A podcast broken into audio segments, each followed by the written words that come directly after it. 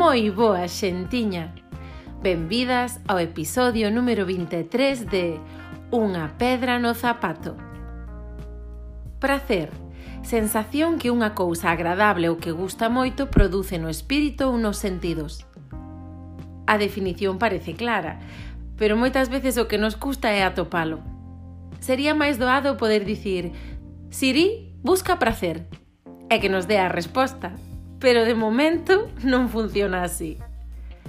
Cada persoa experimenta o prazer de diferente maneira e ante diferentes estímulos. Ademais, dependendo do momento, da compañía ou da etapa vital, o que nos resulta pracenteiro vai cambiando.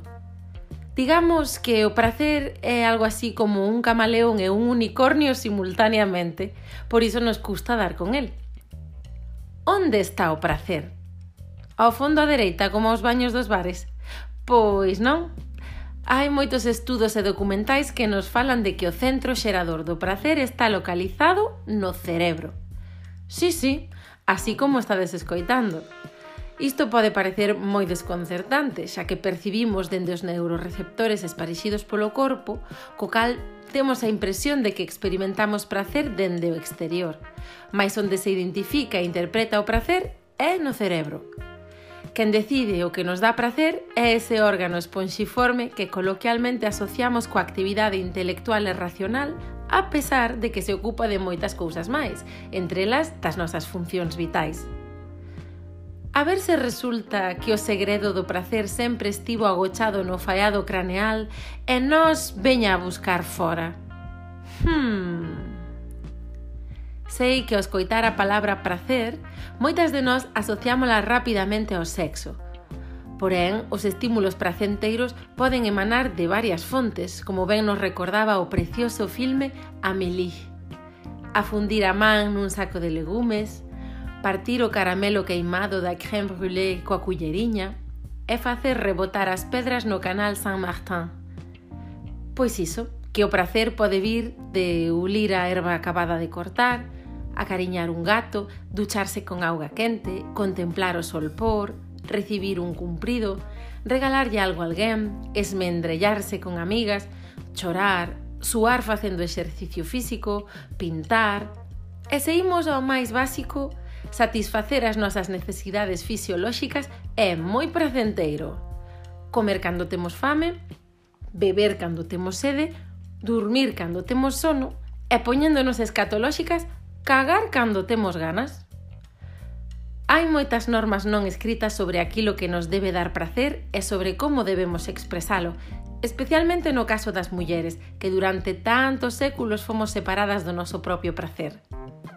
Sen dúbida, todas as persoas senten en certa medida unha represión do propio prazer por ser considerado tabú, sucio, egoísta, inapropiado, Socialmente rexeitamos a abundancia do placer porque pensamos que debemos merecelo sacrificándonos, renunciando a cousas, sufrindo e pasando o mal previamente.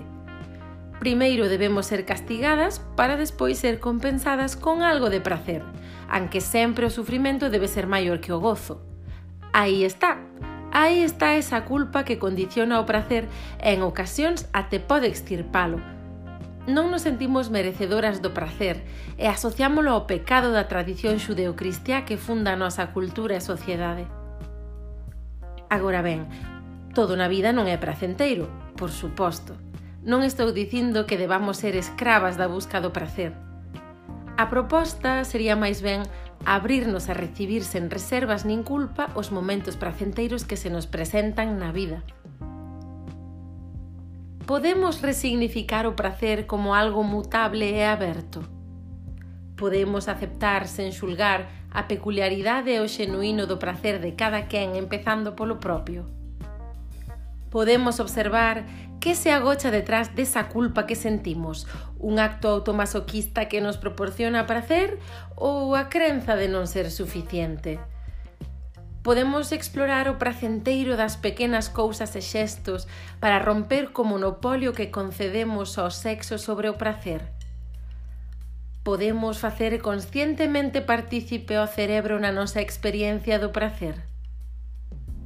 Unha vez máis, non teño as respostas, só teño as preguntas. Moitas grazas por escoitar e mando vos unha aperta inmensa.